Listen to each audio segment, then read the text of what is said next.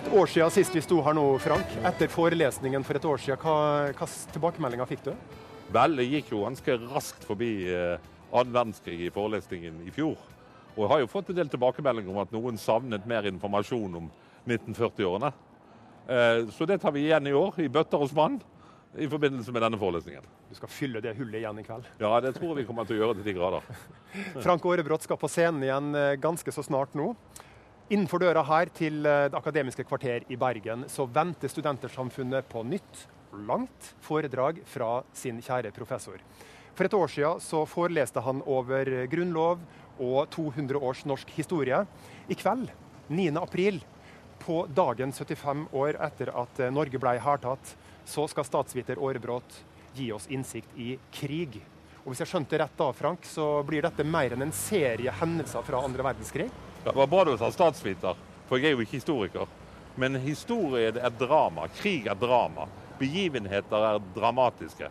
Og heldigvis har vi jo en mengde mennesker, lokalhistorikere, sågelag i by og bygd, som dokumenterer alle disse dramatiske hendelsene som skjedde over hele landet, og har gjort sin kjempejobb med å gjøre det i årene etter krigen. Eh, Så jeg skal ikke prøve å gå dem i næringen. Eh, En statsviters oppgave er mer å gå bakenfor begivenhetene. Altså se litt på hva som var årsaken til at vi ble hertatt. Se litt på hvilke konsekvenser okkupasjonen hadde for det samfunnet vi fikk etter krigen. Men samtidig også se på hvordan samfunnsstrukturen i Norge reagerte på fremmedstyret. Hvordan de ble påvirket av fremmedstyret, hvordan de protesterte mot det, eventuelt tilpasset seg til det. Alt dette er interessante samfunnsvitenskapelige og statsvitenskapelige problemstillinger som jeg kommer til å krydre med selvfølgelig referanser til begivenheten og kanskje historier fra min egen families krigsopplevelser. Men eh, det er nok en del folk som kommer til å savne at jeg snakker akkurat om deres bygd og deres begivenheter. For det greier du ikke på 200 minutter. Nei, for du har 200 minutter, og er det spør som i fjor, er god eller dårlig tid i forhold til alt du har på hjertet? Ja, jeg har litt verre vibrasjoner med dette i år. fordi vi har jo da elleve temaer som er sånn noenlunde satt opp i kronologisk rekkefølge. Sånn litt, i alle fall. Men alle disse temaene krever jo en viss analytisk dybde. Og når du får gå i gang med å skulle snakke analytisk, så er det lett at tiden løper fra deg. Mye lettere enn når du snakker deskriptivt. Og tiden har begynt å løpe nå, og du skal faktisk stumpe røyken din. Jeg hører studentene er klare. Stolen din står klar på podiet. Ja. Kjære lærer, Da går vi vær så god.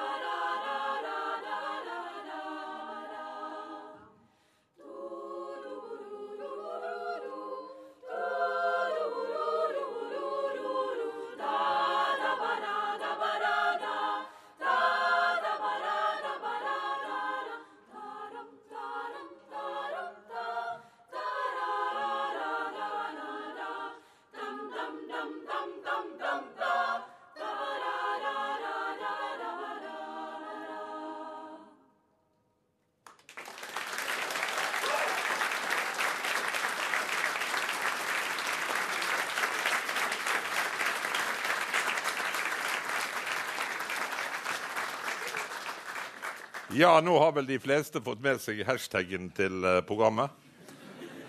Så er vel på tide å begynne å snakke om det som er egentlig tema, nemlig eh, krigen. Da krigen kom til Norge for 75 år siden. Og det er jo nøyaktig det. 9. april er i dag. Og vi har jo dette ikoniske bildet fra de tyske troppene som kommer marsjerende fra Fornebu, der de har landet, og inn mot hovedstaden. Nå vil jeg dere skal legge merke til en liten detalj i dette bildet. som vi skal komme tilbake til.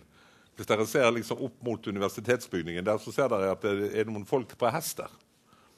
Og Det er altså da norske politifolk som pa patruljerer de tyske troppene for å passe på at ingen sjenerer deres hjemme gjennomfra innmarsj til Oslo. Slik at ikke for tversgående trafikk og andre ting hindrer at de kommer frem til hovedstaden i tide. Vi skal komme tilbake til dette, for dette er jo et, også et uttrykk for den forvirringen som skjedde den 9. april. Men um, hvis vi um, forestiller oss at um, det vi kaller det norske demokratiet Og egentlig vil dere bli forbauset over hvor, hvor likt demokratiet i Norge var i 30-årene i forhold til hvordan det er i dag. Veldig mange av de demokratiske institusjonene vi har i dag, var på plass. Forhandlingssystemet mellom partene i næringslivet, mellom bondeorganisasjonene og staten, mellom råvareleverandøren og industrien var på plass. Selvfølgelig hadde vi jo en rettsstat. Vi hadde jo fått nasjonal selvstendighet i 1905 og prinsippene om statsborgerlige rettigheter og rettsstaten som nedfelt i Grunnloven, var alle sammen til stede. Og vi kan jo på en måte sammenligne handlingsvalgene i forhold til denne grunnloven med trafikklys. Der liksom eh, grønt lys betyr at du tar Du liksom går inn i Grunnloven og støtter og kjemper for det norske demokratiet. Rødt lys betyr jo at du gjør det motsatte. Du vender ryggen til det norske demokratiet. og tror på den nye ordningen i Europa, som Hitler kalte det for. Og gult lys er jo at du løper omkring og er forvirret og aner ikke hvor du skal gå. Og det kan vi jo illustrere. ikke sant? Grønnlysordene våre i språket det er jo sånn som motstand, det er sånn som heltemot, troskap mot konge og fedreland. Altså, Det er jo sånn som mange nordmenn reagerte, men slett ikke alle. Noen var jo det som reagerte omvendt, med forræderi, med angiveri, med kollaborasjon med fienden, samarbeid med fienden. Men så hadde jo da alle de som I hvert fall 9. april det var svært mange av dem, antagelig det store flertallet, som gikk på gult lys med forvirring og fortvilelse og maktesløshet.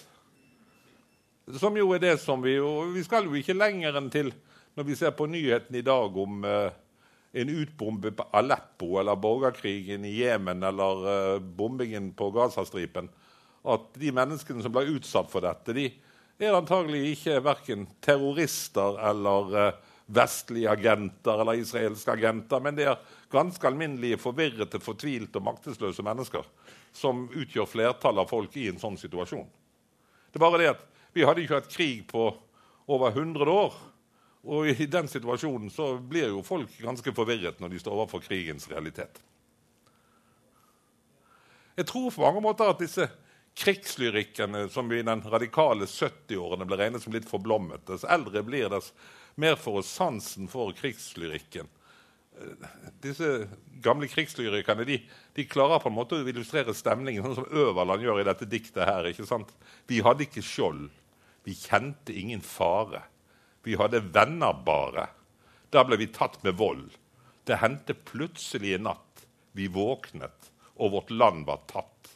Vi hadde bare venner. Nå står vi helt forlatt. Dette er jo et uttrykk tror jeg, som dikteren gir for en følelse som veldig mange mennesker, vanlige mennesker hadde dette merkverdige døgnet. Vi kan spørre oss hvorfor. Hvorfor i all verden ble vi her tatt? Hvorfor, hvorfor, skjedde dette? Og Det er jo selvfølgelig et av disse svære spørsmålene som krever en hel forelesning i seg sjøl, men som jeg skal komme inn på litt sånn stikkordsmessig. Men det viktigste er at vi, i hvert fall vi samfunnsvitere, og en del gode historikere har også det, men det finnes nok av dårlige historikere som ikke har det. Um, de har et, uh, du, du, har valget mellom et retrospektivt og et prospektivt måte å beskrive hendelser på. Den retrospektive måten å se det på det er jo liksom å analysere fortidens mennesker i eh, ja, i uh, tilbakeskuelsens klare syn. Du vet hva som skjedde etterpå. Du vet nå hva som var rett og galt. Men de som handlet den gangen, visste det ikke. Men vi vet det, for vi vet hva som skjedde i ettertid. Så kan du bedømme dine forfedre i forhold til hva du vet skjedde i ettertid. Eller du kan prøve å gjøre det tankeeksperimentet at du sitter inn i en tidsmaskin og reiser tilbake til 9.4.1940, og så stiller du deg spørsmålet Ja, hva visste jeg egentlig? Hva ville jeg vite som vanlig norsk borger 9.4.1940? før? hvilket grunnlag hadde jeg for å handle den gangen? Hvilken informasjon hadde jeg? Jeg illustrerer det med et eksempel. Det er veldig mange mennesker som sier at den andre verdenskrigen kom til Norge i, 19, 9. april 1940. For da øh, ble Norge okkupert av tyskerne. Ja, det, er jo i en viss forstand sant, men det er også veldig retrospektivt. For uh, 9. april 1940 var det ikke noen verdenskrig. Det som hadde skjedd frem til 9. april 1940, dette angrepet på Polen, var en krig som hadde funnet sted i Sentral-Europa. Det var ingen krigshandlinger i Middelhavet. Krigshandlingen i Afrika hadde opphørt. Eh, det var en krig i Asia, men det var mellom Kina og Japan, og ingen europeiske makter var involvert. De eneste utenfor Europa som var involvert, det var New Zealander, australiere og canadiere som hadde begynt å mobilisere litt. Men krigen frem til vi ble okkupert, det var stort sett den okkupasjonen av Polen og Russlands angrep på Finland som hadde skjedd. Altså Det var en krig i Europa som Norge ble en del av. Den annen verdenskrig ble ikke en verdenskrig før Hitler angrep Russland og Japan angrep USA. Og Hitler erklærte krig mot USA. Da ble det en verdenskrig som ble utkjempet på alle fronter. Men det er altså en europeisk, østeuropeisk, sentraleuropeisk konflikt som ble trukket nordover både av finlandskrigen og av den tyske okkupasjonen av Norge. Det er den prospektive måten å analysere det på. Da tar du utgangspunkt i hva som er den faktiske situasjonen da når du vurderer det. Altså etterpåklokskapen Dette med å si spørsmålet hva de burde jo ha visst. Jo, det er jo en relevant kritikk på én måte, men det er også en veldig urettferdig kritikk. Prospektivt er jo det andre det er jo det enkle spørsmålet er det så enkelt at de burde ha visst. Sånne undersøkelseskommisjoner som kommer i ettertid, som skal undersøke hvem som valgte feil og hvem som valgte rett, vil jo nesten alltid ha et retrospektivt perspektiv. Og Derfor blir jo det slik at man er, i forhold til den norske befolkningen under krigen så er det veldig lett for oss etterkrigsmennesker å vurdere dem som svarte eller hvite, som forrædere eller helter. Men i det prospektive perspektivet så skjer det atskillige gråtoner som kommer frem. Og det er etter min mening det korrekte samfunnsvitenskapelige perspektivet å trekke på en analyse av den andre verdenskrig. Hva er nå krig? Ja, vi finner jo egentlig to svar. Det ene finner vi fra gamle general Klaus von Clausewitz, som skrev den definitive læreboken om krig, som heter 'Vom krige', altså om krigen der han sier at krig er politikk, bare med andre midler. Det er liksom den ytterste måten å drive politisk påvirkning på, sier Clausewitz. Og så kan vi jo kontrastere han med Nordahl Grieg, som i diktet sitt til ungdommen sier at krig er forakt for liv. Og Hvis vi da ser på en av den annen verdenskrigs siste krigshandlingen, nemlig resultaten av amerikanernes atombom over Hiroshima, som vi ser her, så ser vi også den totale ødeleggelse og det totale forakt for liv. Ikke bare i de tyske konsentrasjonsleirene, men også andre krigshandlinger som ble utført under krigen, viser forakt for liv. Og så sier dikteren videre fred er å skape. Ja, nå er jo det å si at Vi skal jo ikke fortape oss helt inn i dikterisk romantikk eller gamle forfattere. for Poenget er at både Clausewitz og Nordahl Grieg har rett. Og både Clausewitz og Nordahl Grieg tar feil. For det finnes situasjoner i verdenshistorien der at politikk er et alternativ til krig. Vi ser jo det i våre dager at f.eks. Eh, den avtalen de nå kjemper frem mellom USA og Iran, er et eksempel på at diplomatiet er et alternativ til å bombe de, eh, de iranske atomanleggene. Samtidig så Fred er å skape. Jo, men altså Det skapes forferdelig mye under en krig, folkens fryktelig. Altså, Uten krig ville ikke Picassos 'Gernica' vært mulig. Og Sjostakovitsj 'Leningrad-symfoni' hadde aldri blitt skrevet. Eh, for ikke å snakke om Nordahl Griegs dikt og Adrian Føverlands dikt. Men dessuten så skjer jo det en vanvittig teknologiutvikling under en krig. Det begynner jo med at man har sånn første verdenskrigsteknologi, litt, litt, bedre tanks og litt bedre ubåter, så ender det med verdenshistoriens første ballistiske raketter, som er grunnlaget for romforskningsprogrammet. De første cruiserakettene som tyskerne lager. Tyskere og engelskmenn utvikler jetflyet parallelt med hverandre. Og amerikanerne utvikler atombomben. Altså Når krigen er ferdig, så er jo våpenarsenalet og, og det, det som vinner krigen, et helt annet mønster enn det er i det øyeblikket Norge ble invadert 9.4.1940. Så det er faktisk også slik at krig er å skape. Og det er også slik at politikk kan være et alternativ til krig. Altså begge har rett, men begge tar feil. Hvis vi ser litt på den geopolitiske situasjonen i Europa, så, så kan vi jo stille spørsmål om er det riktig av oss, og vil våre etterkommere om 100 år fra nå kanskje snakke om første verdenskrig og andre verdenskrig i det hele tatt? Eller vil de, vil de snakke om den første halvdelen av det 20. århundret som en blodig periode? Sånn som vi i dag snakker om 30-årskrigen og 80-årskrigen på begynnelsen av 1600-tallet. Som religionskrigen i store århundre. At det kanskje de, de verdslige, sekulære kvasivitenskapelige ideologienes store krig. Og, og, hvis vi ser på det, så eh, skjedde jo det veldig, veldig dramatiske ting med Europa i denne perioden. Og det er ikke sikkert at vi, vi snakker om for vi vesteuropeere snakker om ja, vi har fire år første verdenskrig, og så har vi seks år andre verdenskrig, og det er det. Avbrutt av mellomkrigstiden. Men hvis du reiser over til Øst-Europa, så opplever man jo at du har et krigssystem som varer nesten sammenhengende i hele perioden. Som begynner med den tredje Balkankrig i eh, 1900 19, 1912. Og som i første omgang avsluttes med Polens angrep på Sovjetunionen i 1921. Altså Det vi kaller første verdenskrig, varer i ni år i Øst-Europa. Og så kan man jo si at Det er jo ikke noen dans på roser i den korte mellomkrigstiden de har da spirende demokratier ble overtatt av militærkupp i land etter land. Demokratiet overlever faktisk bare i Sveits og Tsjekkoslovakia. Ellers går det dukken i hele resten av Øst-Europa. Av nasjonalistiske og høyreorienterte diktatorer, stort sett. Og så kommer den annen verdenskrig ved at Hitler begynner med å forsyne seg med Østerrike, og deretter uh, forsyne seg med Sudetenland. Og så tar han hele Tsjekkoslovakia. På forhånd har han reokkupert Rhinland og uh, sørget for å, å, skaffe seg Memel, altså de, uh, de, en del av Litauen, det som i dag er den nye republikken Litauen. Han har i det hele tatt ekspandert i løpet av 30-årene. Så for en uh, eller en, en tsjekker eller en, sagt, en, en person fra Memel så er jo ikke 1939 første gangen tyskerne marsjerer inn. Tyskerne marsjerer inn i andre land lenge før den andre verdenskrig begynner. Så egentlig så er det et fellesskap her mellom det som begynner i, som vi feiret i fjor i forbindelse med 100-årsjubileet for begynnelsen av første verdenskrig, og det vi kaller andre verdenskrig. Jeg har kanskje den ideen at en eller annen gang kommer vi til å se disse krigene i sammenheng. Og det er ganske god grunn til det. For se på dette kartet. Dette er europakartet fra 1904.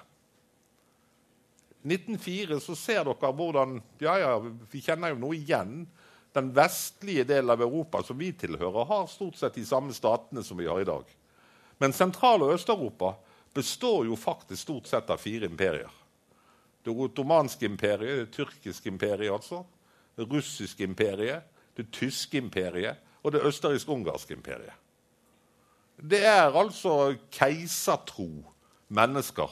Stater som holder sammen ved at man er tro mot et dynasti. Der du kan ha flere forskjellige folk kan leve side om side. Det eneste et imperium krever, er jo at man skal være tro mot keiseren. Så kan man stort sett tro si hva man vil, og snakke hvilket språk man vil, og mene hva man vil, men man skal være tro og lydig mot keiseren.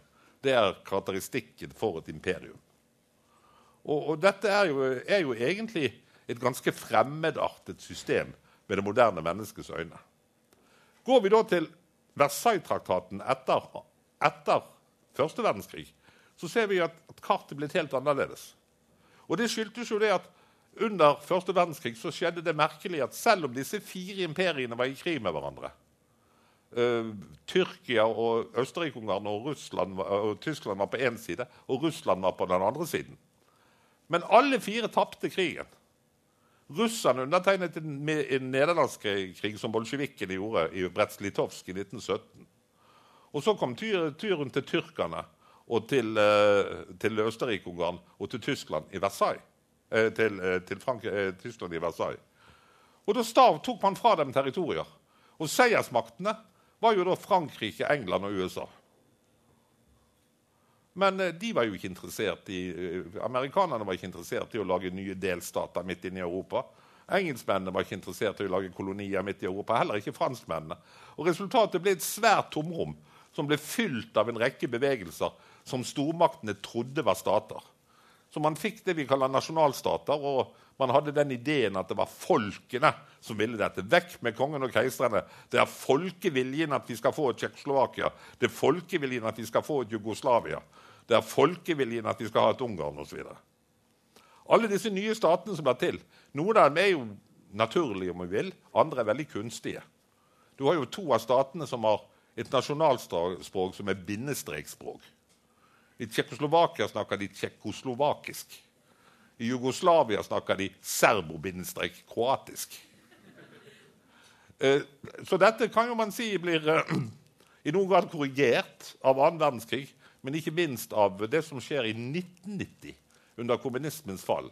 Så går vi 100 år frem, til 2004, så ser jo kartet helt annerledes ut. 1904, 1920 2004. Da er det ikke lenger Tsjekkoslovakia. Nå snakker de tsjekkisk i Tsjekkia og slovakisk i Slovakia. Snakker serbi Serb serbisk i Serbia og kroatisk i Kroatia. Nå har vi igjen fått, eh, fått inn en enda større oppdeling av stater. Langt flere stater. opp. Og denne gangen er de demokratier. Nå har demokratiene vart i Sentral- og Øst-Europa mye lenger enn de gjorde i mellomkrigstiden. I mellomkrigstiden ble de erstattet av diktaturer som definerte hva som var folkeviljen. Ikke bare i Tyskland, men i nesten hele området. For ikke å snakke om i, Russland med bolsjevikene. Nå har demokratiet overlevd etter 1990 mye lenger i Øst-Europa enn det overlevde etter Versailles-freden. Og Da har du altså fått enheter som tydeligvis er i stand til å holde sammen. Så resultatet av dette merkverdige 20. århundret er jo det at du har fått uh, en masse blodige kriger, men du har fått mindre stater som synes å være mer stabile demokratier. Har altså krigen ført til demokrati? Det er jo et merkelig paradoks i tilfelle. Så enkelt er det jo selvfølgelig ikke. Vi må jo også stille oss spørsmålet igjen dette prospektive spørsmålet. Ta tidsmaskinen, reis tilbake, still spørsmålet. Hva, hva visste vi fra krigsutbruddet 1.9.1939, når Polen ble invadert av, av, Russland, og frem til de selv ble hærtatt av tyskerne 9.4. Hva, hva, hva, visste nordmenn flest om dette? Jo, de, de, visste jo det de hadde lest i nyhetene. I en fri presse. Og husk, vi hadde jo ikke bare presse, vi hadde jo radio. Vi hadde radioapparater. Vi hadde ganske, var ganske godt informert. Folk var ikke fullstendig zombier selv om de ikke hadde Internett og, og, og, altså, og fjernsyn. Det de visste, var jo at uh, Tyskland og Russland, nazistene og kommunistene, hadde inngått en ikke-angrepspakt.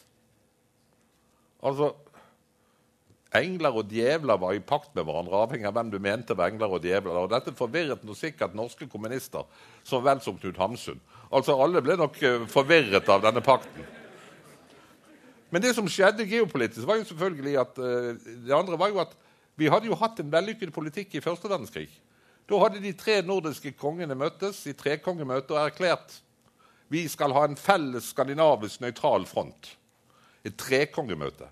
Ja, hva var det vi hadde gjort med det samme Polen-angrepet? Jo, vi innkalte denne gangen til et nordisk møte med de tre kongene pluss Finlands president, som erklærte en felles nordisk nøytralitetspolitikk. Vi prøvde altså å si at nå går det nok med oss sånn som det gjorde i første verdenskrig. Vi forblir nøytrale. På en måte, Hvorfor skulle vi egentlig ikke tro det? Det hadde jo gått bra forrige gang.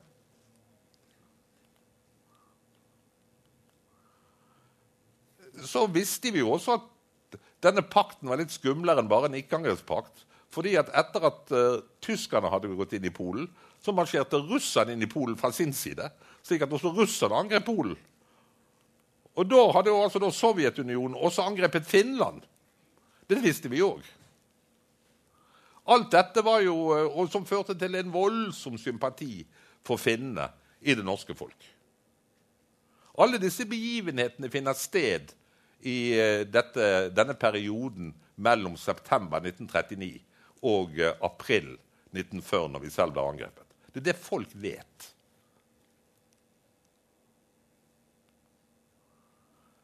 I Vest-Europa har det jo ikke vært noe særlig krig før. Jo, det har vært noen saker på havet.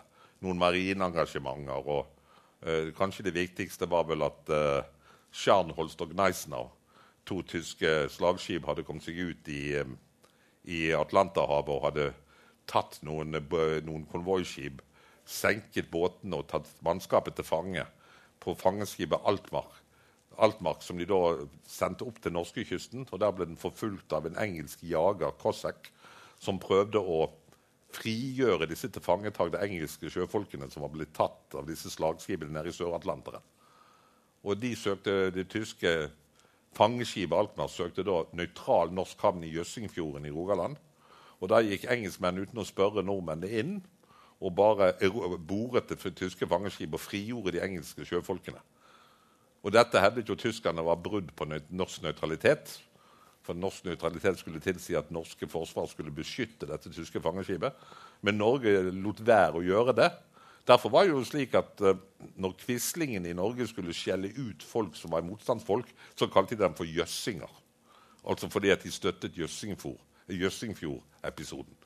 Dette er jo også av en del mennesker blitt sagt at dette var grunnen til at Hitler ble opptatt av å erobre Norge. fordi han var så sint pga. Jøssingfjord. Det tror jeg er det vi kaller en anekdotisk forklaringsmodell. og det kan jeg overlate til visse historikere, men samfunnsvitere vil ikke gå med på den typen forklaringsmodell. Um, men vi må også se på motparten.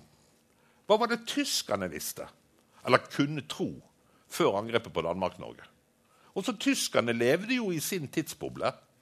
De hadde jo heller ikke profetiske evner, like lite som nordmennene. Jo, tyskerne de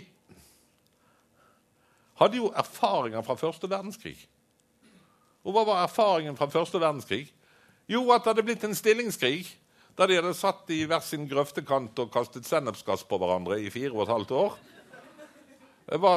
Det, og de hadde jo opplevd en ting at den tyske marinen spilte nesten ingen rolle under krigen fordi at de måtte seile ut fra flåtehavnen Kiel. De hadde bare én eller flåtehavn. De kunne komme ut gjennom Danmark og de stredene i Danmark, eller komme ut fra Kiel ut i Nordsjøen. Men det var veldig smal kyst de hadde å komme seg ut på. Og resultatet var jo at hele den engelske kanalflåten lå jo og ventet på dem utenfor. Så når de endelig våget seg ut med krigsmarine, så kom det til et svært slag ved Jylland, som endte med at ingen av partene vant, men den tyske krigsmarinen humpet tilbake igjen til Kiel. Og der blir de liggende resten av krigen uten å gjøre noen ting. Det eneste som skjedde var at Marinegassene ble så lei av å vente at de ble sosialister og gjorde kommunistisk revolusjon etter Tysklands nederlag. Uh, uh, det fikk altså faren for en tro, tofrontskrig. Redsel for å måtte slåss mot russerne samtidig som de måtte slåss mot franskmenn og engelskmenn. Den satt dypt i alle de tyske generalene. Vi må for alt i verden unngå en tofrontskrig. Og avtalen med Sovjet var jo viktig nettopp fordi den fjernet jo trusselen for, for, tohåndskrigen. Altså visste jo tyskerne at de i hvert fall ikke behøvde å være redd for en tofrontskrig i første øyeblikk. I dette tidspunktet når Norge, de planlegger angrepet på Norge. Og så har vi jo altså da Molotov-Ribbentrop-pakten, som nettopp er dette som hjelper tyskerne fra å slippe å være redd for tofondskrigen. Marinens overflatefartøy spilte en avgjørende rolle. Ingen avgjørende rolle. Men Hitler hadde jo bygget massevis av nye slagskip. Tirpitz og Bismarck var jo blant de sterkeste slagskipene i verden. I brudd på Genéve-traktaten. Han hadde hatt kjempeseremonier med avdykkingen. Hitler trodde i det hele tatt på big guns. altså. Og Det var jo liksom en forestilling om at det skulle være nye Jyllandslag. Vi skal liksom komme ut. Men hvordan i verden skulle de komme seg ut? Og Der satt storadmiral Reder, sjefen for den tyske marinen. Og han hadde jo ambisjoner om at marinen denne gangen skulle spille en rolle. Jeg har veldig stor tro på den historiske teorien som sier at en av grunnene til at de som var pådrivende for angrepet på Danmark og Norge, det var marinen og ikke hæren. Det var Reder som ønsket å ha havner så man kunne få sin Horse-flåtte ut uten å bli møtt av mengder engelske skip. For, for man, tenkte at, uh, man, tenkte jo ikke på hangarskipet. og på at ubåten ville være farlig. Eller for ikke å snakke om langtrekkende sjøfly som kunne bombe båter fra luften. Dette var jo ting, teknologi som utviklet seg i løpet av krigen.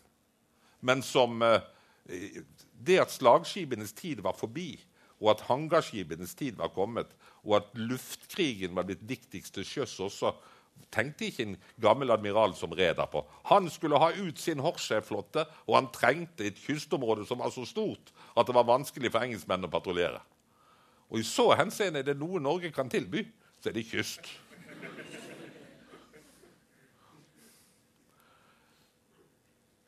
Ubåtene hadde jo vist seg som et effektivt strategisk våpen. Men også ubåtene trenger mulighet for å havne. Ja, men kjære Frank Aarebrot, sier sikkert noen litt retrospektive folk og tenker nå.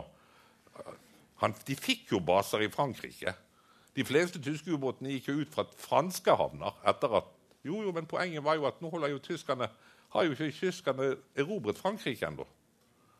Tyskerne holder på å planlegge erobringen av Frankrike på det tidspunktet de angriper Norge.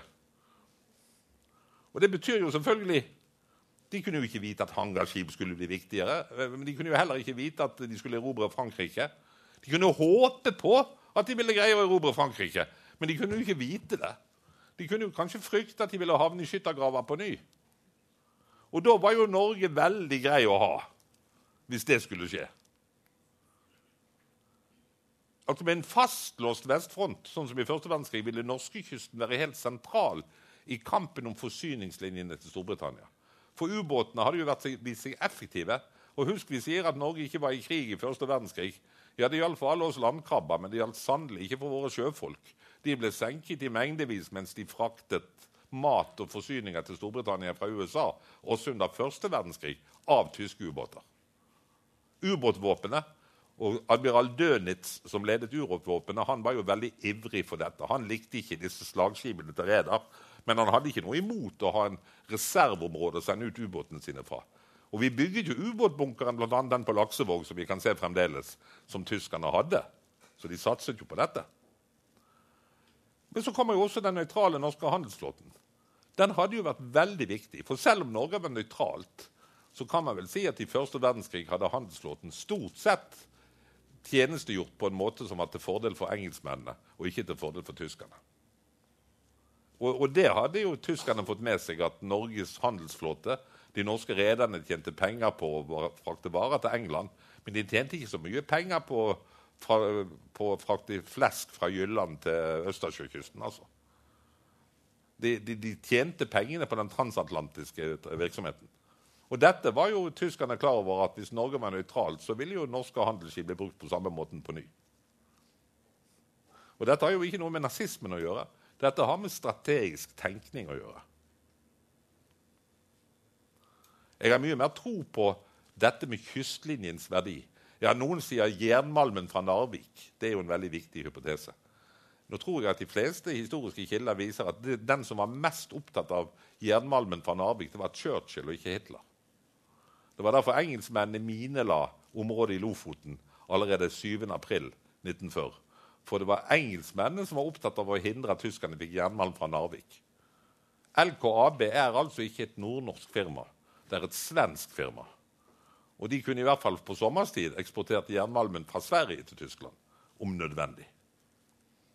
Så jeg har mye mer tro på dette med at marinen ville ha sitt show, de òg. De ville være med i krigen. De ville være med i krigen på en mer avgjørende måte enn forrige gang. Og Derfor var det en sterk interesse fra, fra marinekretser som pushet i retning på uh, Weserübung, altså den invasjonsplanen av Norge og Danmark. Men uh, så er det jo også sånn at når vi kommer til 9. april, så var det jo noen som ikke ble forvirret. Det var jo noen som viste handlekraft. Det var jo noen som, ikke, det var noen som tok standpunkt med en gang. Krystallklart. Hva, hva, hva, hva, slags nyheter og erfaringer skulle få folk til å reagere krystallklart? Og det, Allerede 9. april hadde vi krystallklare helter og krystallklare forrædere. Noen tok stilling med en gang, mens alle andre løpte rundt og var forvirret. Og Da kan vi igjen bruke det røde og det gule, lys, eh, gule lyset. For Det fantes nemlig erfaringer i, i, i forholdet til krigen som gjorde at noen kunne ta standpunkt. For de hadde erfart noe. Det ene var Mussolinis nye stat, Estato Nuevo. Hvis dere lurer på hva det var for noe, så har det sammenheng med at det var en god del mennesker i Norge, særlig blant ingeniører og arkitekter, som var dypt fascinert av, av, av Mussolinis Estato Nuevo. Og det var jo blant annet sammenheng, Hvis noen av dere kommer til Italia og reiser til Roma, så fins det noe som heter Novo Cita, den nye byen. Som ikke er bygget i sånne der eh, nazistisk-romantiske eh, romerske søyler, liksom. Nei, det er bygget som moderne, funksjonalistisk arkitektur. Mussolini og fascistene var ikke opptatt av, av entartete kunst over motstanderne. De var, var oppmuntret til moderne kunst. De.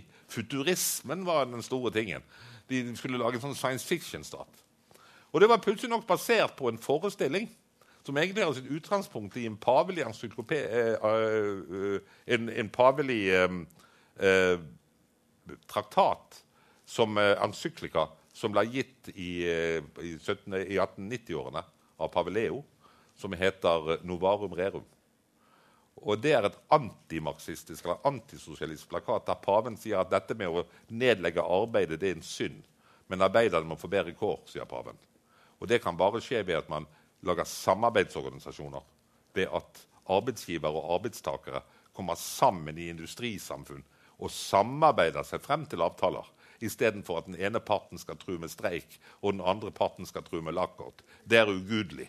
Det, det gudelige er at man skal samarbeide. Det mener paven bra, for han gjør dette for han er opptatt av, av, av arbeidernes kår. Og På dette tidspunktet må vi huske at pavedømmet boikotta den italienske stat.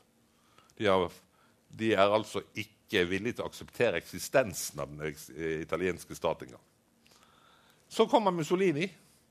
Han er jo ikke spesielt religiøs, men han tar opp den ideen om at man skal lage korporasjoner. Og en korporasjon som vi kjenner fra middelalderen, er veldig forskjellig fra en organisasjon. En organisasjon er en interessegruppe som du melder deg frivillig inn i. En korporasjon det er noe som du er tvunget inn i. De gamle laugene var du tvunget til å være. Du kunne ikke være båtbygger i Bergen hvis du ikke tilhørte båtbyggerlauget. Du kunne ikke være boktrykker i en by i Europa uten at du tilhørte boktrykkerlauget. Og Dermed forener han pavens idé om disse fellesorganisasjonene. Den nye staten Ops, altså. Oi. Jeg får dette opp. Går det bra? Ja.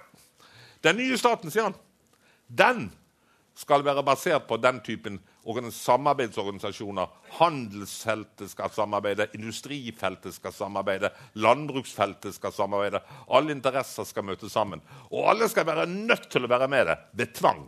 Dette kaller vi neokorporatisme. Og det var det den nye staten gikk ut på. En mann som Vidkun Quisling var mye mer fascinert av ideene til Mussolini enn han var i og for seg fascinert av Hitlers raselære. Hitler hadde ikke noen sånne visjoner som Mussolini hadde. Men dette gjorde at en del mennesker, spesielt innenfor teknologifagene, eh, allerede på 30-tallet var svært fascinert av disse visjonene til Mussolini.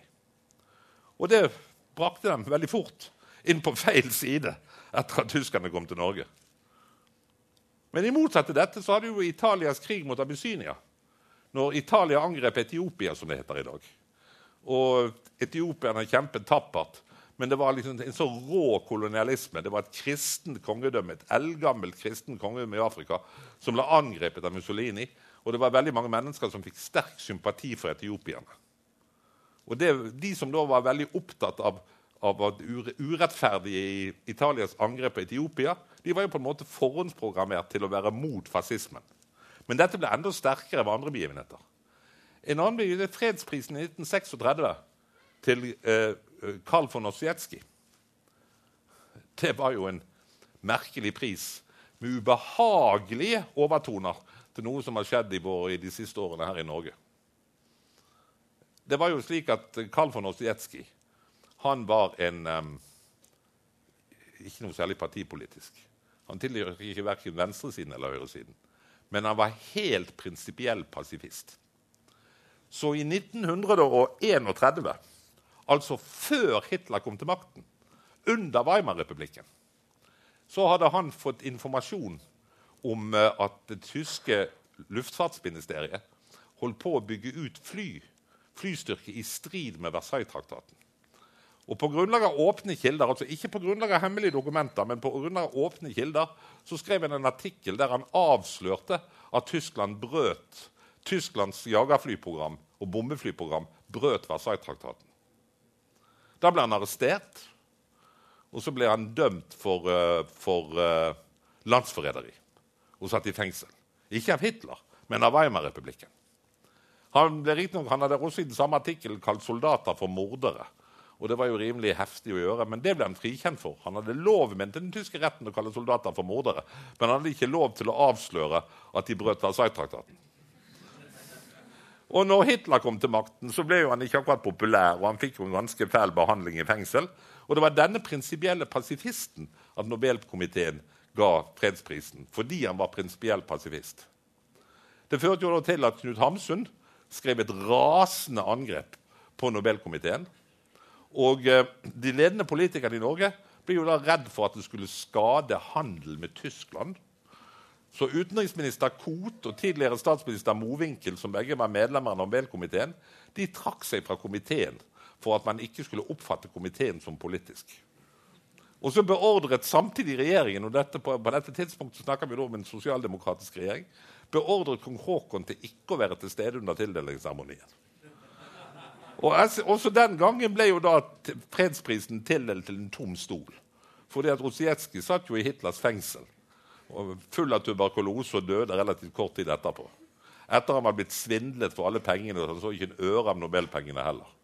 Men denne frykten for å fornærme en viktig stormakt som vi har sterke handelsforbindelser med, selv om vi selvfølgelig er uenig med den politikken de står for i det landet, minner det der om noe?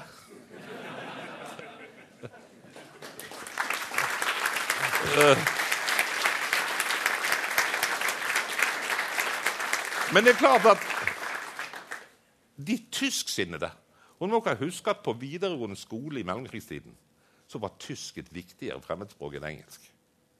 Når latinen forsvant ut, så ble den erstattet med tysk. Tysk var det viktigste moderne språket i det norske gymnaset. Folk var veldig oppmerksom på Tyskland. De var også oppmerksom på England. Men folk var tyskvennlige og engelskvennlige. Og Det hadde de også vært under første verdenskrig. Knut Hamsun var definitivt tyskvennlig. Og de tyskvennlige reagerte spontant mot Otsieski. De engelskvennlige intellektuelle de reagerte for Otsieski. Så våre to nobelpristakere, Sigrid Undset og Knut Hamsun, havnet på hver sin side i striden. Men dette var jo en sånn sak som på en måte var en slags psykologisk forberedelse som gjorde det mulig å ta stilling fort når tyskerne kom i landet. En tredje begivenhet var jo da de olympiske lekene i Tyskland. De olympiske lekene, ja. De var tildelt Tyskland før Hitler kom til makten. Men den, den gang som nå så mente jo selvfølgelig Den internasjonale olympiske komité at man må jo kunne ha olympiske leker. Det må ikke blande sport og politikk. Så vi må ha leker i Beijing og Sotsji selvfølgelig, og i Berlin i 1936. Men jeg må jo si at uh, en fordel som Hitler har over Putin, det er jo det at han hadde en litt mer genial propagandaminister, dr. Josef Goebbels. Og Josef Goebbels han skyndte jo seg å sette folk ut med skurekoster til å vaske vekk alle, alle davidsstjernene på vindusruten om at det var forbudt å handle i jødiske butikker. og sånt, og man dekorerte pent med blomster. Man beholdt riktignok en masse hakekorslag, men uh, jødene fikk pen behandling. Ja, til og med Man hadde en jøde med på det tyske olympiske laget. En kvinne som vant sølvmedalje i fekting, og som feiret uh, seg med å gi Hitler-hilsen på tribunen. Hun fikk riktignok fordi hun var så snill anledning til å flykte til USA, så hun overlevde krigen og ble amerikansk statsborger etterpå. Men altså, Goebbels gjorde jo dette, dette, for å demonstrere for verden at det var falsk propaganda. Alt dette fæle om bokbrenning og krystallnatt og Nürnberg-lover mot jødene og sånt. Se hvor snille og pene vi er. Og det var jo mange som falt for det. Og syntes at det var Aftenposten skrev vel at det var noe for så vidt bra at togene nå på ny gikk i rute i Tyskland. Eh, det var jo andre som ikke fullt reagerte fullt så positivt. Det var jo noen som mente at vi burde boikotte lekene. Og når det da kom et ønske fra den tyske olympiske komiteen at man så helst at man under innmarsjseremonien gjorde Hitler-hilsen til føreren på tribunen, så hadde man en diskusjon om dette i den norske troppen. og Nordmennene bestemte seg for at det skulle de ikke gjøre. Men svenskene gjorde det. Eh, så vi hadde i det hele tatt en, en, ganske kontrovers om hvordan man skulle hilse. Men det store nederlaget var jo da at olympiadens store stjerne det var en afroamerikaner som het Jesse Owens, som vant 100 meter, 200 meter og lengdeløp. Og her har vi jo liksom hva som skjedde da, på seierspallen etter lengdehoppet. Der ser vi at Jesse Owens velger å hilse Hitler med amerikansk militær honnør. Sølvmedaljevinneren herr Linz fra Tyskland, som for øvrig ble en god venn av Jesse Owens, for han hjalp han faktisk med tips. Han gjør pliktskyldig eh, Hitler-hilsen. Og den tredje opptrer omtrent sånn som idrettsmann gjør i dag, og bare står og, nyter seremonien. Dette forteller jo liksom hvordan dette I Garmisch-Partenkirken var ikke den norske opptredenen om vinter-OL like, like prinsipiell. Men hele denne diskusjonen om man skulle hilse eller ikke hilse, om man skulle boikotte OL altså Denne OL-diskusjonen var en av de tingene som jeg tror preprogrammerte folk til å ta stilling for eller mot regimet. Og det er eh, ganske viktig. Nå kan man si at det hele druknet. For akkurat som for svensken i dag er den eneste medaljen som bestyr noe i vinter-OL, det er ishockeymedaljen. Så var det eneste som betydde noe for nordmennene i Berlin, det var bronsemedaljen i fotball. Så hele kritikken druknet jo i bronsekampen. Så kommer den spanske borgerkrig. Ja, vi sendte jo fremmedkrigere til den franske borgerkrigen, folkens. Venstreorienterte som reiste for å kjempe for den spanske republikk. En folkefrontregjering av anarkosyndikalister, kommunister, og sosialister og sosialdemokrater. Som da hadde dannet koalisjonsregjering, republikansk koalisjonsregjering. Og Franco gjorde militærkupp med tropper fra Marokko og den franske borgerkrig var i gang. Og man, Republikken, som var lovlig valgt av folket, ba jo da de vestlige demokratiene Frankrike og England om støtte. Fikk nei. De, skulle, vi skulle ikke, måtte ikke sende våpen. Det var, var, ikke riktig å sende våpen til folk som kjempet for sin frihet. For det er farlig å sende våpen det har litt overtoner med dette med farlig å sende våpen i visse sammenhenger i dag også, kanskje. Men den gangen var de vestlige demokratiene veldig opptatt av at de ikke måtte sende våpen. Men derimot var det da en del venstreorienterte folk, altså folk som lå til venstre for sosialdemokratiet, som da reiste ned. Anarkister, sosialister, kommunister. Som reiste ned og sloss i de internasjonale brigadene. Og mange av dem var nordmenn. En av dem som reiste ned, var krigskorrespondent og dekket den spanske borgerkrigen, var Nordahl Grieg. Han var, reiste da der og var krigskorrespondent. Men det er klart at disse menneskene som kom der, det jo ble foreslått i Morgenbladet at man skulle ta fra dem statsborgerskapet hvis de var fremmedkrigere. Jeg skal ikke trekke noen analogier. Uh, uh, de, de, og det var i det hele tatt en ganske alvorlig sak, det å gjøre dette. Og kritikken var tung fra deler av den borgerlige pressen. Men det er klart at de venstresidefolkene som slåss i Spania, og som dekket det, som Greg gjorde, de var forhåndsprogrammert til å stå mot tyskerne når de kom til Norge. Men um, vi fikk jo et annet sted Moskva-prosessene samtidig. Stalin tok livet av alle de andre revolusjonære fra Lenins tid. Gode kommunister ble dømt som høyreavvikere og venstreavvikere og henrettet over en lav sko. Og det var jo da en del venstre, folk på venstresiden som syntes at dette var for gale. Det gikk ikke an å opptre sånn overfor kameratene sine. Mens andre kommunister mente at Stalin hadde rett, og mente at Stalin tok ikke feil og støttet Stalin i ett og alt. Og Da fikk man jo det som de Moskva-tro-kommunistene og de litt mindre Moskva-tro-kommunistene eh, og sosialistene osv.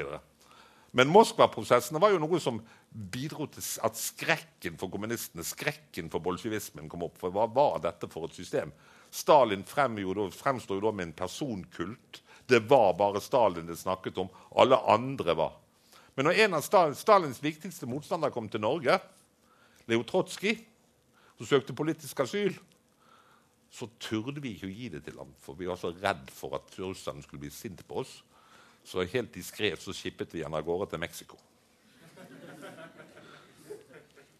Så utenrikspolitiske uh, realpolitikk eller mangel på mot eller hva vi skal si, det er på ingen måte nytt i Norge. Vinterkrigen i Finland, selvfølgelig. Igjen. Max Manus, den store motstandsmannen, lå og sloss side om side med fremtidige stornazister mot den russiske invasjonen. Og Nå var det høyresiden som sendte fremmedkrigere. Men det, men det var ikke bare høyresiden. Det var ikke bare den ideologiske høyresiden, folk som sto nær Nasjonal Samling, som sendte folk til Finland. Fordi at Motivene for å reise til Finland kunne være at du hadde en prinsipiell småstatssympati. Den lille staten som ble angrepet av stormakten, skal ha støtte fra andre små stater. Og så hadde du nordismen. Nordiske folk må stå sammen mot ytre inntrengere. Samme søren om de er kommunister eller nazister. Og men så hadde du selvfølgelig de som var antibolsjevikker. Vi må slåss mot kommunismen. Så avhengig av hvilket motiv du hadde, så hadde du, hadde du altså kamptrente folk fra den spanske borgerkrig, og du hadde kamptrente folk fra vinterkrigen. Som både havnet på eh, venstresiden og høyresiden. Både som forrædere og som uh, nasjonalhelter etterpå.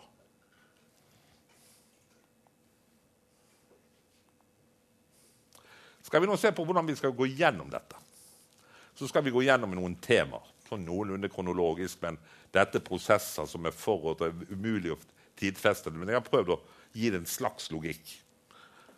Vi begynner med å snakke litt om det å være hærtatt. Så skal vi snakke litt om tilpasningen til å være hærtatt. Så skal vi snakke litt om den sivile motstanden.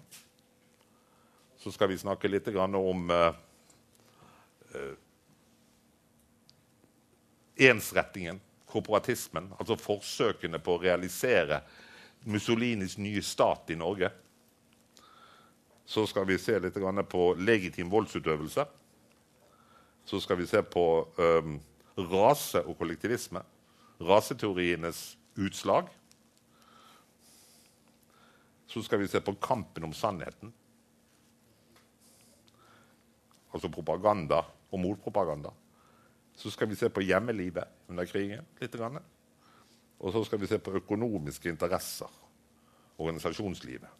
Hvordan det komplekse organisasjonslivet og økonomiske interesser Svartebørsen er uttrykket man brukte under krigen. Og Til slutt skal vi snakke litt om vinnere og tapere. Hva skal til for å være vinner, hva skal til for å være taper, og hvordan kan man se på dette i lys både retrospektivt og prospektivt. La oss ta den første ideen om hærtagelsen først. Dette er eh, fra mitt nabolag i Søndre bydel, i Bjørnsonsgaten. Der Bjørnsonsgaten knekker på seg eh, og blir til eh, Indalsveien slutter, og Bjørnsonsgaten begynner å vende seg nedover mot Andersplass, på hjørnet der. Dette om morgenen 9. april, og det er norske tropper som har mottatt sin uh, mobiliseringsordre per post fra regjeringen, for vi sendte ut en postal mobiliseringsordre. Men de har nå fått den i posten om morgenen, og de har funnet frem uniformen og geværet sitt, eller en linjakke eller hva det måtte være. Og så har de gått til møtestedet, og der står det en lastebil og venter på dem. Antagelig for å kjøre dem til Ulven eh, leir, der, det, der IR9 skal samles. Altså infanteriregiment 9. altså Eh, Hordalands infanteriregiment. Det bildet ikke viser, er noe min far forteller meg. fordi at eh, jeg eh, bodde på denne siden av, av veien som eh, bilens lykter peker mot. Der var det nye eh, hus som var bygget når Bergen hadde overtatt Årstad kommune i 1916. Og folk hadde fått anledning til å få tomt og bygget hus. I det strøket vokste jeg opp. På andre siden av gaten der ligger Fabrikkgaten. Og der, som navnet sier, der lå det massevis av fabrikker. Og Folk som jobbet i fabrikkene, bodde på denne siden av gaten, og så lå på fabrikkene på andre siden av gaten. Så når klokken ble åtte og folk skulle på jobben, så hadde en av offiserene der bestemt seg for at det var ganske lurt. Dere husker at Fjøsangerveien var ikke motorvei den gangen. Dette var hovedveien sørover. Så han hadde satt opp en mitraljøsestilling akkurat på hjørnet der ved Fossberg med sandsekker. og Der skulle det ligge noen mann og ha oppholdende strid. De skulle skyte ned gaten for å hindre at tyskerne kom etter, slik at gutta fikk anledning til å komme seg på ulven. De skulle altså føre, føre retirerende strid. Men da gjorde de ikke regning med bergensernes nysgjerrighet. Og da må man tenke meg at det strømmet familiefedre med sånn blotterfrakk og hatt og sånn som de hadde, ikke sant? Med, med sin lille trofaste veske på vei til jobben. Og der sto det noen mann med noen sandsekker med treligiøse Alle gutta sammen. Hva er det dere skal? Hvor, hva, hva, for noe? Og hvor, hva? Og Min far kommer rundt og ser en haug med mannfolk som står rundt stillingen. Og en fortvilet løgntann som står og river seg i håret. Og enden på visen er jo at mannen må bare pakke sammen mitraljøsestillingen og rekvirere en bil og komme seg av gårde. For han kan jo ikke ta livet av alle disse familiefedrene som med Bergens nysgjerrighet spør hva hodene dere gjør. Eh, det er jo også merkelige ting.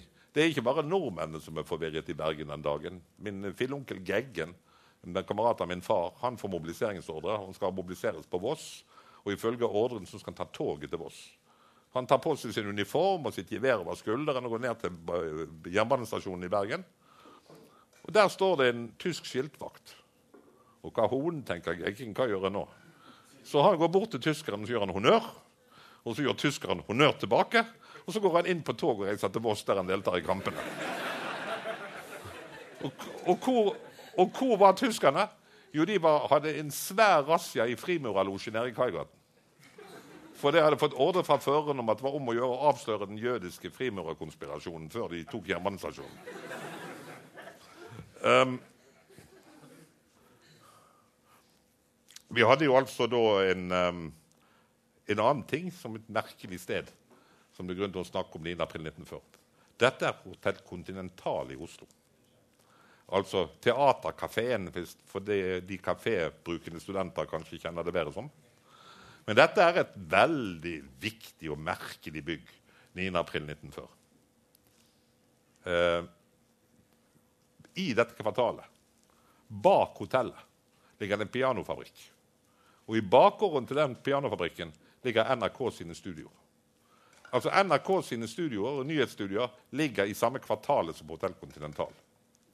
Om kvelden 8. april sjekker to mann inn på hotellet. Det ene er uh, Nordahl Grieg, som skal bo på Hønefoss og skal inn til Oslo for å gå til tannlegen. Så han har sjekket inn på hotellet. Den andre heter Vidkun Quisling. Han bor i Oslo, men altså tar inn fra Villa Grande og reiser inn til, av en eller annen grunn valger å overnatte på Hotell Continental. I gaten utenfor om kvelden 8. mai går NS-folk og deler ut flygesedler der det står noe sånn som at uh, en voldsom kritikk av de andre politiske partiene som ikke har tatt hensyn til den norske forsvarsevnen, og at nå kan vi risikere å bli angrepet. Det skyldes de andre partiene. Dette er altså før det tyske angrepet. Og Quisling har sjekket inn på Continental. Vel, vel, eh, de går begge til sengs, og ved hotellfrokost neste morgen forteller Norla Grieg at han sitter og snakker med en venninne og mens han sitter ved frokosten, så kommer en, en, tysker inn i rommet og så spør han om herr Quisling er inne til frokost. Dette er altså før tyskerne kom til Oslo. Så går Nordahl Grieg til tannlegen, og mens tannlegebehandleren stikker tannlegen hodet ut av vinduet og ser tyskerne marsjere ned Karl Johan og sier 'Å, tyskerne er kommet'. Og, Karl Johan, og Nordahl hopper ut av tannlegestolen og begynner å løpe rundt i Oslo etter å finne et sted han kan verve seg til forsvaret av Norge med en eneste gang. Uh, det morsomme er jo da at uh, det er jo noen som sier at Quislings statskupp var noe som skjedde spontant uten tyskernes vilje. Og det er mulig at det var tyske offiserer som ikke visste om dette. jeg er ganske sikkert. Men at det var forbindelser i Tyskland Det virker veldig rart at Quisling skal ta inn på hotellet som ligger slik at han kan gå ut gjennom kjøkkendøren og inn i NRKs lokaler på direkten. Og klokken halv åtte om kvelden så går, gjør han jo det, og så gjennomfører han historiens første statskupp på radio. Erklærer regjeringen Nygaardsvold avsatt, og at han har nå dannet en nasjonal regjering. Men eh, så skjer jo det noe litt morsomt, da. For han sitter jo da i, i studio og kommer med denne kunngjøringen. Men eh, i løpet av 9. april så dukker det en litt søkkvåt tysker opp på hotellet. Det er generalen som har ansvaret for tropp, de tyske troppene i Oslo-området. Han er blitt litt våt, for han var om bord på Blücher, som ble blitt senket i Drøbaksundet. Dette er jo noe vi skal komme tilbake til. Det er altså general Ervin Engelbrecht. Og Han eh, skriver da om kvelden et telegram til den tyske herledelsen, eller marineledelsen som ledet operasjonen. og sier det er en fyr her på hotellet som påstår han er Norges statsminister. Skal jeg arrestere ham? Så her er det jo altså åpenbar uh, manglende koordinering. Men vi kommer tilbake til denne forhatte Quisling som uh, ble veldig forhatt. Jeg skal også fortelle litt om hvorfor. Men kanskje fortelle litt om hva som var den historiske bakgrunnen til Nasjonal Samling som parti. Vi må jo huske at Mens jeg sier at 30-årene hadde veldig mange likhetstrekk med norsk politikk i dag, så hadde ikke 20-årene det. 1920-årene var et veldig rart tiår. Det var et tiår der kreftene sto mot hverandre der arbeiderbevegelsen var radikalisert. Det norske Arbeiderpartiet gikk inn i den kommunistiske internasjonale, Komintern. Uh, folk var redd for den røde revolusjonen i Norge, altså på borgerlig side. Og de hadde jo god grunn til det, for det var jo borgerkrig i Finland mellom hvite og røde etter den russiske revolusjonen. De var redd for at noe lignende skulle skje. Og da kom jo de en del borgerlige politikere sammen og fant noen veldig ledende norske personligheter som tok i spissen for noe som het Fedrelandslaget som skulle hindre de røde å overta Norge. Og Den første som satte seg i spissen for dette fedrelandslaget, det var ikke et politisk parti, det var en organisasjon som skulle bekjempe den røde revolusjonen i Norge. Og Den første som satte seg i spissen, var altså Christian Michelsen. Og den neste var Fridtjof Nansen når Christian Michelsen døde. Så dette var ikke smågutter. Og Fridtjof Nansen tok jo med seg sin gamle assistent fra Russlandshjelpen når han hadde vært og hjulpet de nødstedte russerne under hungerskatastrofen i Ukraina. Og assistenten som hadde vært med Nansen der, det var Vidkun Quisling. Da hadde jo situasjonen normalisert seg. I 1927 hadde Arbeiderpartiet vendt ryggen til Moskva-tesene og var blitt et sosialdemokratisk parti. hadde stått sammen med sosialdemokratene. Kommunistene var redusert til en sekt. Og kongen hadde jo til og med latt, uh, latt uh, ble, ble dannet en regjering av Arbeiderpartiet. Med den begrunnelse er også kommunistenes konge. Eh, når Høyre-ministrene protesterte mot dette. Den varte riktignok omtrent like lenge som Lyng-regjeringen gjorde etter krigen. Men altså, det, Arbeiderpartiet hadde skjønt at det var, mulig å få makten parlamentarisk. hadde vendt ryggen til den revolusjonære linjen. Dette skjedde veldig fort. Eh, Arbeiderpartiet var ingen lenger noen trussel, så når da Nansen døde, så gikk jo Quisling, som da var hans nestkommanderende, og håpet på at han skulle bli den nye lederen. Men så bestemte styret i Fedrelandslaget å legge seg ned istedenfor. De nedla organisasjonen.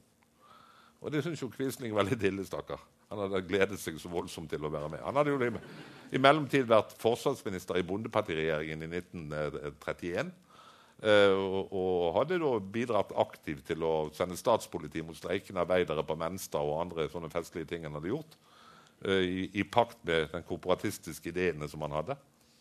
Men uh, han var altså da i Bondepartiregjeringen og hadde da blitt en fri fugl. Så han fant ut at vi måtte da sikre borgerlig samling. Vi måtte få disse Venstre, og Høyre og Bondepartiet til å samarbeide og danne en flertallsregjering. For i Stortinget var det sånn at det var sånn en tredjedel Venstre Bondepartiet, en tredjedel Høyre og en tredjedel Arbeiderpartiet. Det var omtrent likevekt mellom disse blokkene. Vi måtte kunne få en borgerlig samling. Så når partiet ble hetende Nasjonal Samling, så var det fordi at i det første partiprogrammet så tok han rett og slett og laget et minste felles multiplum av alle de borgerlige partienes programmer. Han altså laget et program over alle de punktene som de borgerlige partiene var enig i. Og Derfor kalte han det Nasjonal Samling, altså Nasjonal Samling mot bolsjevismen. Partiet ble aldri noen suksess ved stortingsvalget. Ved det siste stortingsvalget før krigen i 1936 så fikk de 1,8% av stemmene. Men eh, ved, ved kommunevalg gjorde de ikke så verst. I 34 og 37 så fikk de ganske mange ordførere rundt omkring. Spesielt oppe i dalstråka i, i, på Østlandet gjorde de det rimelig bra. Eh, og ble ganske store partier i enkelte bygdekommuner. I øverste Gudbrandsdalen, i Øvre Telemark, der Quisling selv kom fra, osv.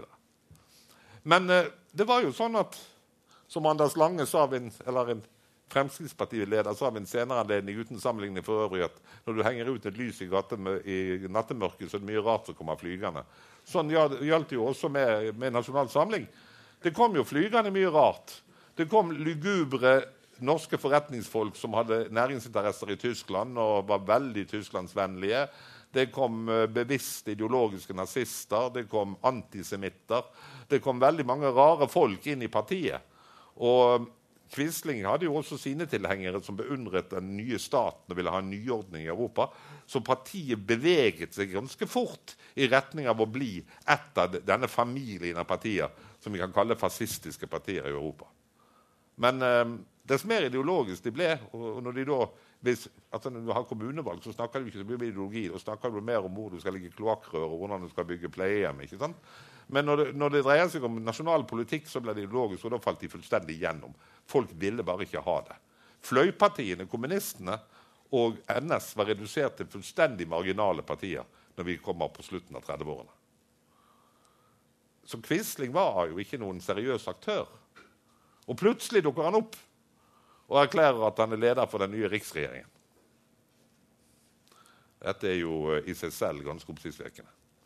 Han eh, eh, blir jo da den store Ikke bare i Norge forhatt, men han ble jo et internett. han blir en merkevare, folkens. Han er en av våre politiske merkevarer. Fordi at eh, Man omtalte jo Pierre Laval som Frankrikes Quisling og Josef Tiso som Slovakias Quisling. Altså Man brukte uttrykket Quisling som synonym på forræder. Og Jeg fant ut for noen år siden hvordan det ble til. Jeg kan umulig forestille meg at Quisling var verre enn de kroatiske fascistene. Eller han var verre enn de eh, slovakiske fascistene. Han var noen relativt uh, Hvorfor i all verden ble Quisling den så langt ut? Og Det finner dere da i Churchills tolvbinds krigsmemoar fra annen verdenskrig. Churchill var en mann som hadde sant for språk. Han planla sine taler nøye. Og Han ble veldig begeistret når han kom over navnet Quisling. For som han skriver det navnet høres jo ut som et engelsk verbalsubstantiv. Quisling. Og det må jo bety at det finnes et verb to quizzle. Det finnes jo ikke i det engelske språk, sier han. Men hvis det hadde fantes, så hadde det vært en betegnelse på den lyden en slange lager. Og fordi at quisling er et godt onopoetikon for uh, Churchill, så bruker han det i talene sine. For da kan han liksom spytte ut And all the quislings of Europe. Og så Det er pga. fonetikken at Wilhelm Quisling blir den store forræderen. Og Churchills språkbruk. Og for dem av dere som er filologer, så må jo det glede dere i hjertet. Um,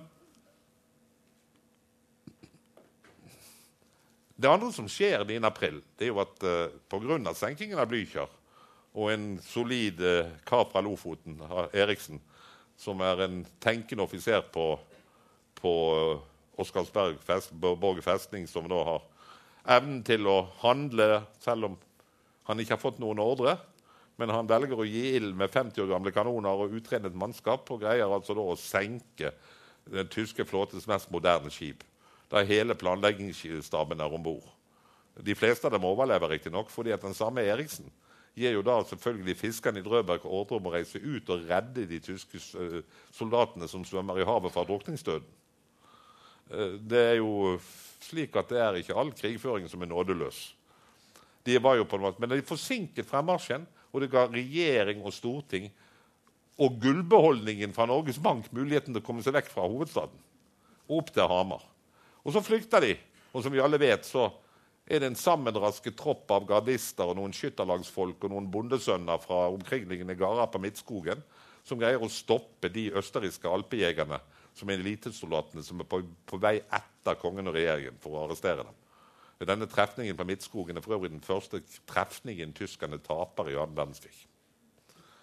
Eh, så kommer de til, eh, til Hamar og må flykte videre til Elverum. Og Der ble jo da Elverumsfullmakten vedtatt. Den ser sånn ut. Den ligger i Stortingets monter i dag. De hadde ikke tid til å skrive den der på maskin.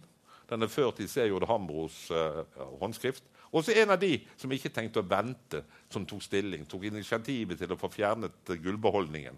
Der for øvrig Nordahl Grieg var med på transporten og hjalp han om å få gullbeholdningen ut av landet. Kommunisten Nordahl Grieg og høyremannen Hambro. Men det skyldte jo selvfølgelig at Hambro-familien var en gammel sefardisk jødisk familie som for, for, lenge siden var blitt lutheranere. Men man kan vel si at uh, krystallnatten til Hitler gledet jo ikke akkurat seg og Hamor. Så han tok jo et veldig klart antinazistisk standpunkt allerede tidlig i, i Hitlers karriere når han kom med de antijødiske lovene. Men uh, vi kan jo skrive den ut, for det er et veldig, veldig viktig dokument som forteller om legaliteten til regjeringen etter krigen. Det ble vedtatt én ting på, Hamar, på Elverum, på dette møtet på Elverum det er at de vedtar å supplere regjeringen med statsråder. Det var jo en ren Arbeiderpartiregjering som nå blir supplert med statsråder uten portefølje fra høyre og venstre. som altså da for, skal ha sete i legasjonen i Stockholm, mens resten av regjeringen og krigen og, tapt i Nord-Norge reiser sammen med kongen til England. Men uh, Mowinckel og Hambro kommer inn i regjeringen, men nå er Hambro stortingspresident på Elverum, og han uh, fører dette i pennen, og vi må nesten lese den. Stortinget bemyndiger regjeringen til Inntil det tidspunkt kommer der regjeringen og Stortingets presidentskap etter konferanse innkaller Stortinget til neste ordinære møte og ivaretas rikets interesser og treffe de avgjørelser og beføyelser på Stortingets og regjeringens vegne som må anses for påkrevd av hensyn til landets sikkerhet og fremtid. Og så leser Hambro opp en tilleggserklæring som det ikke blir votert over, men som altså det står. En videre uttalte Stortingets president følgende som ikke møtte motsigelse fra noe hold i salen. Det var altså ingen som protesterte. Og den som tier, samtykker. Husk at man hadde dette møtet under trussel fra å bli bombet av bombefly. Man hadde ikke så veldig god tid til å drive på voteringsregler. altså. Og da kommer det hvis det skulle vise seg at det er umulig for denne regjering, som er landets lovlige regjering, å komme i den kontakt hvori den skulle komme med makthaverne i øyeblikket, har den åpen den adgang å bevare regjeringen og derigjennom det internasjonale symbol for Norges uavhengighet og selvstendighet. Den eneste regjering som har internasjonal bemyndigelse og fullmakt til å opptre.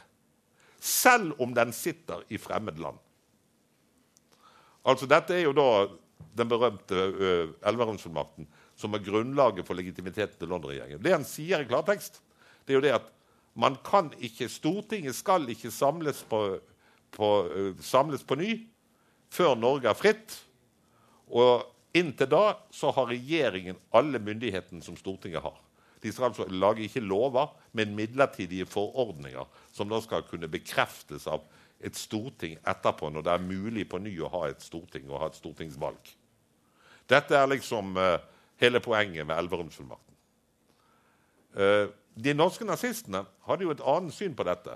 De mente jo da at i og med at den norske hær hadde, hadde, kapitulert militært, så var, var, var også uh, Når kongen og regjeringen flyktet fra landet, så var ikke de lenger landets regjering.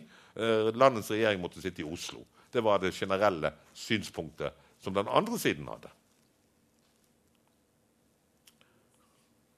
Vi ser jo her kongen hvordan dette er.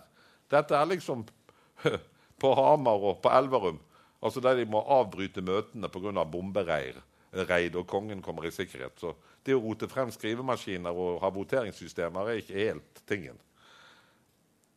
Og så har vi jo dette ikoniske bildet fra noe senere i krigen, i Molde. Da har eh, kampene begynt oppover Østerdalen. Eh, det kommet noen britiske tropper. Men kongene kom til uh, Molde, og der ble det et bombereid. Vi får kongebjørka i Molde. Og Dette ble da fotografert av pressemannen Per Bratland, som etter krigen ble redaktør for det sosialdemokratiske billedbladet Aktuell. Han hadde fått audiens hos kongen for å gjøre et intervju med kongen og kronprinsen. Og Midt i intervjuet så må de løpe i skjul under denne bjørken for å skjule seg for tyske bombefly som over. Og Da står kongen under bjørken og, og, ser på noe. Han ser jo ganske dradd ut og trett ut i ansiktet kong Haakon på dette bildet.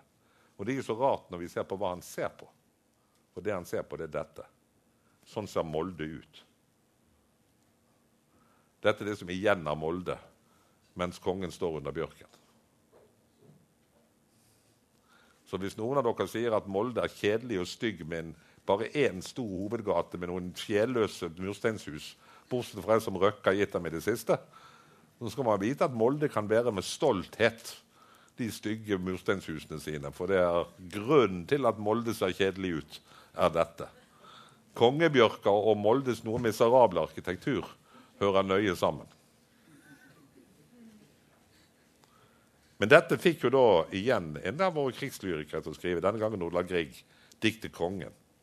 Slik vil kongen leve for oss, ved en sølvblek bjørkestamme mot en naken vårskogs mørke står han ensom med sin sønn.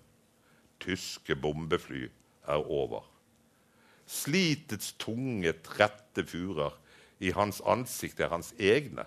Smerten i det gjelder andre. Slik må fredens ansikt være, grått og dradd av nattevåk, jaget, pint, forhånt av voldsmakt, men allikevel med styrken til å lide med alt lid, liv. Altså dette, han gjør jo nesten kongen til Jesus, altså. Men det er jo sterk lyrikk, altså. Og det er et sterkt budskap.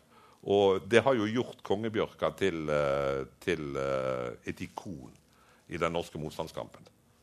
Etter pausen nå skal vi komme til hvorfor kongen blir så viktig.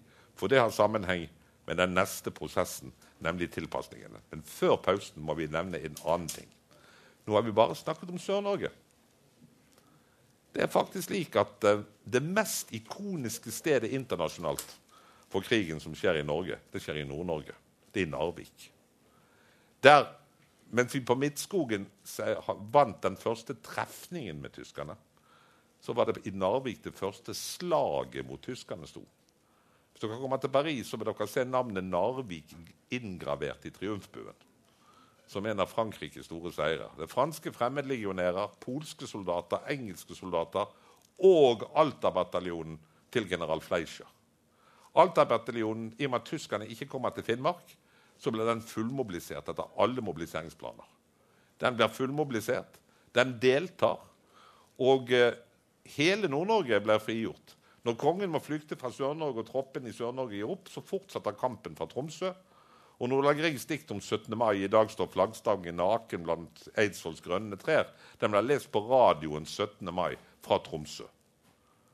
Men Narvik er også norsk på det tidspunktet, for vi har gjenerobret Narvik. De stakkars tyskerne sitter i en inneklemt lunge, lomme opp mot svenskegrensen de, og er nesten rede til å overgi seg, omgitt på tre kanter. Nord-Norge er fritt i en måned lenger enn Sør-Norge. Og dette skyldes jo ikke minst Alta-bataljonen. Alta-bataljonen, som er en norsk-samisk fellesprosjekt, vil vi sagt i dag.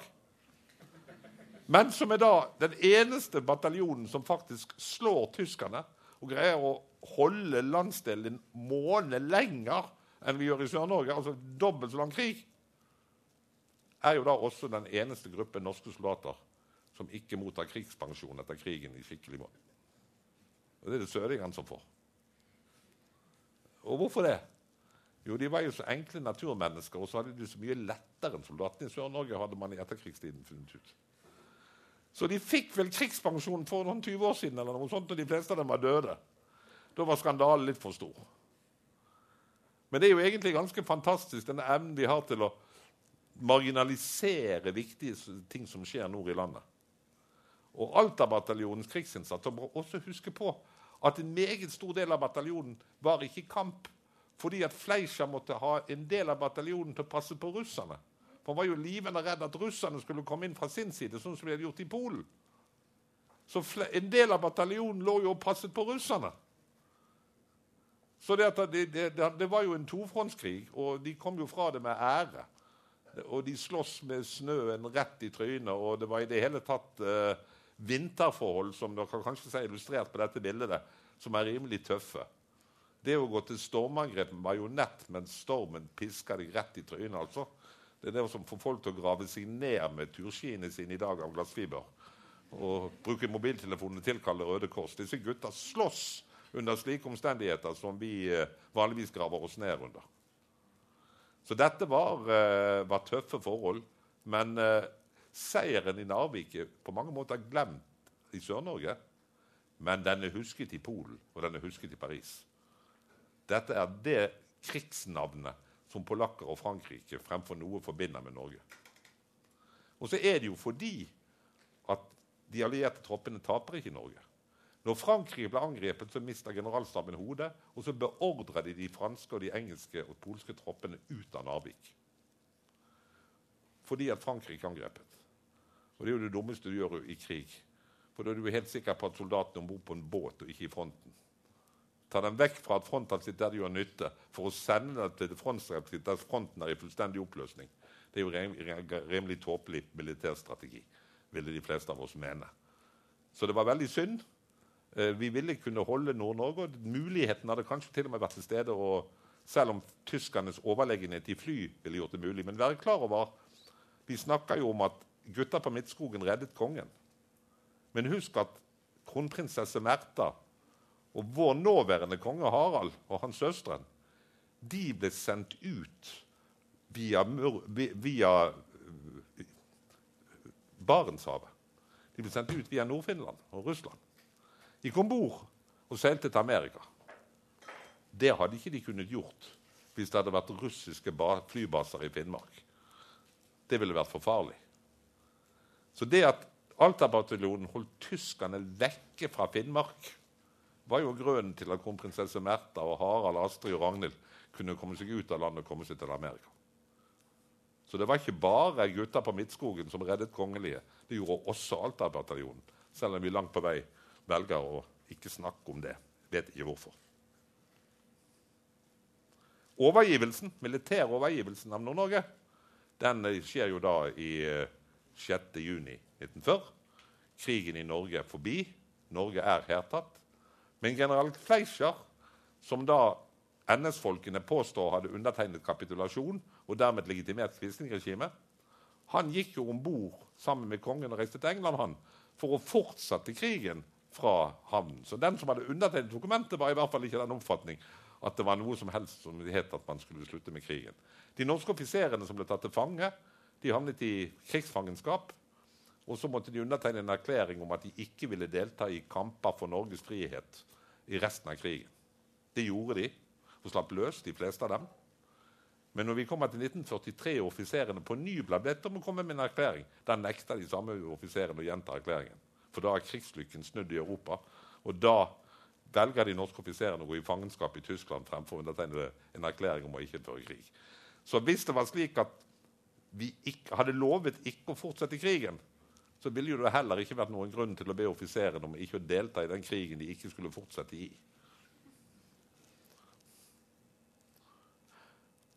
Vi tar nå pause, og det neste punktet blir eh, tilpasning, som er det som skjer etter hertagelsen.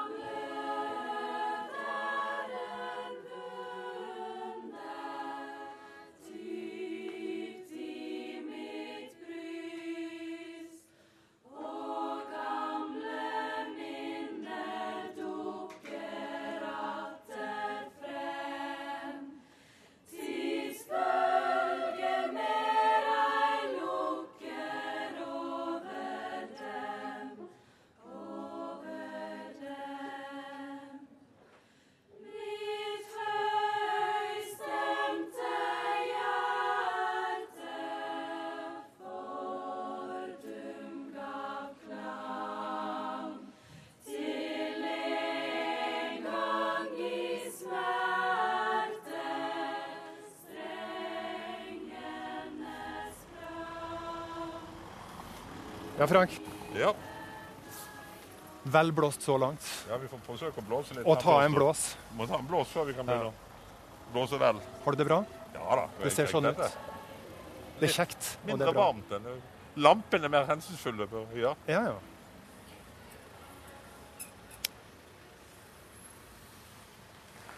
Jeg har til og med glemt å drikke kaffe mens jeg står opp. Det må, du minne meg på at du gjør. Jeg skal hilse fra produksjonsleder og si at den eh, blir fylt opp med varm kaffe nå. Ja, det, det er bra. Utmerket. At du har direkte forbindelsen ja, til makthaverne. Tenk på det.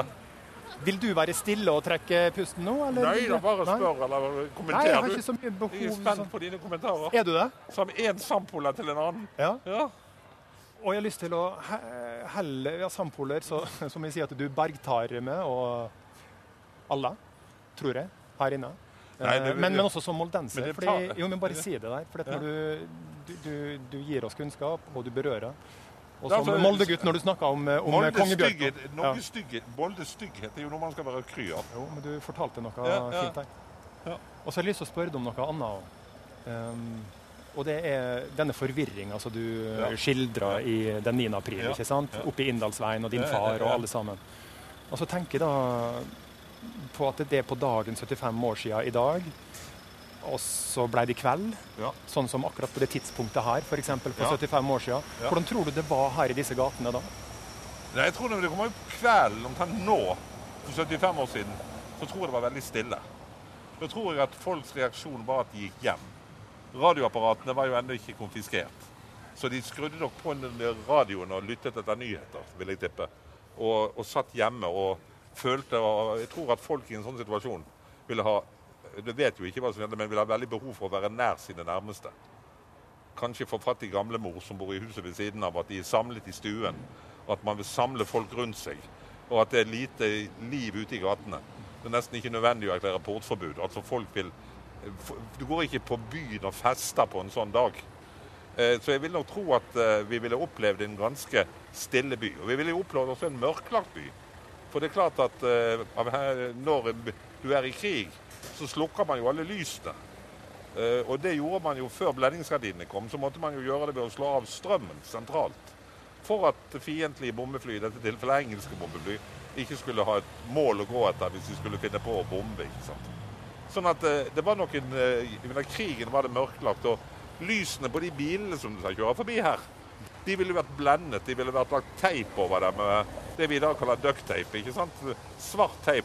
Slik at bare en smal stripe av lys kom ut. Så, så krigsbyens mørke.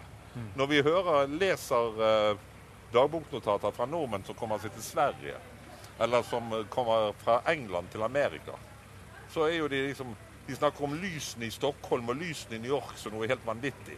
Du, etter noen års krig så er du vant til dette nattemørket. Altså det er mørkt om natten.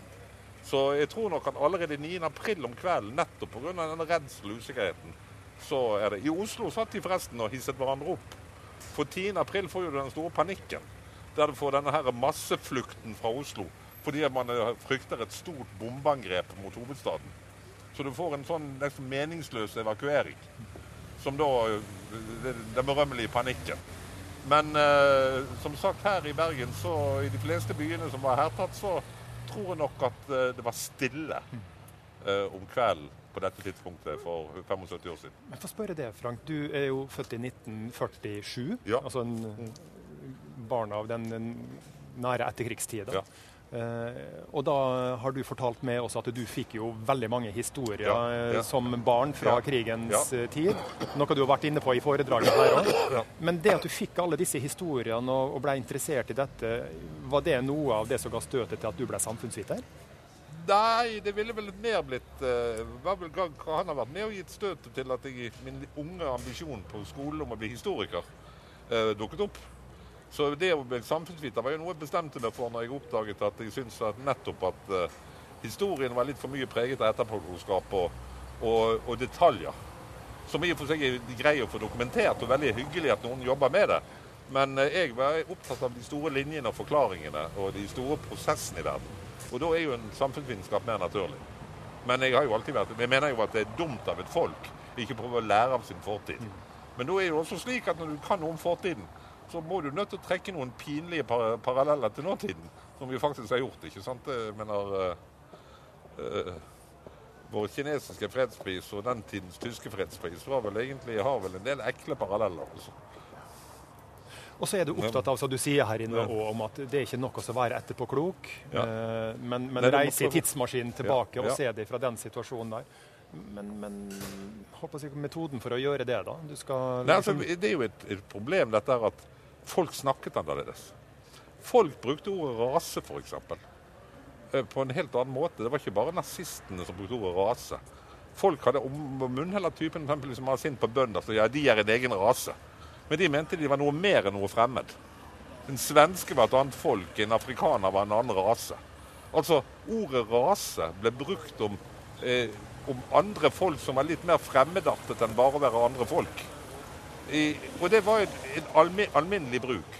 Og vi har jo en litt sånn tilbøyelighet i dag til en sånn politisk korrekt uh, kulturell stalinisme. ikke sant? Når, vi, når Pippi Langstrømmes far ikke lenger kan være negerkongen, men blir nødt til å være uh, jeg vet ikke, leder for sosialkontoret på Mao Mao eller noe sånt. Jeg vet ikke hva de skal gjøre til. altså.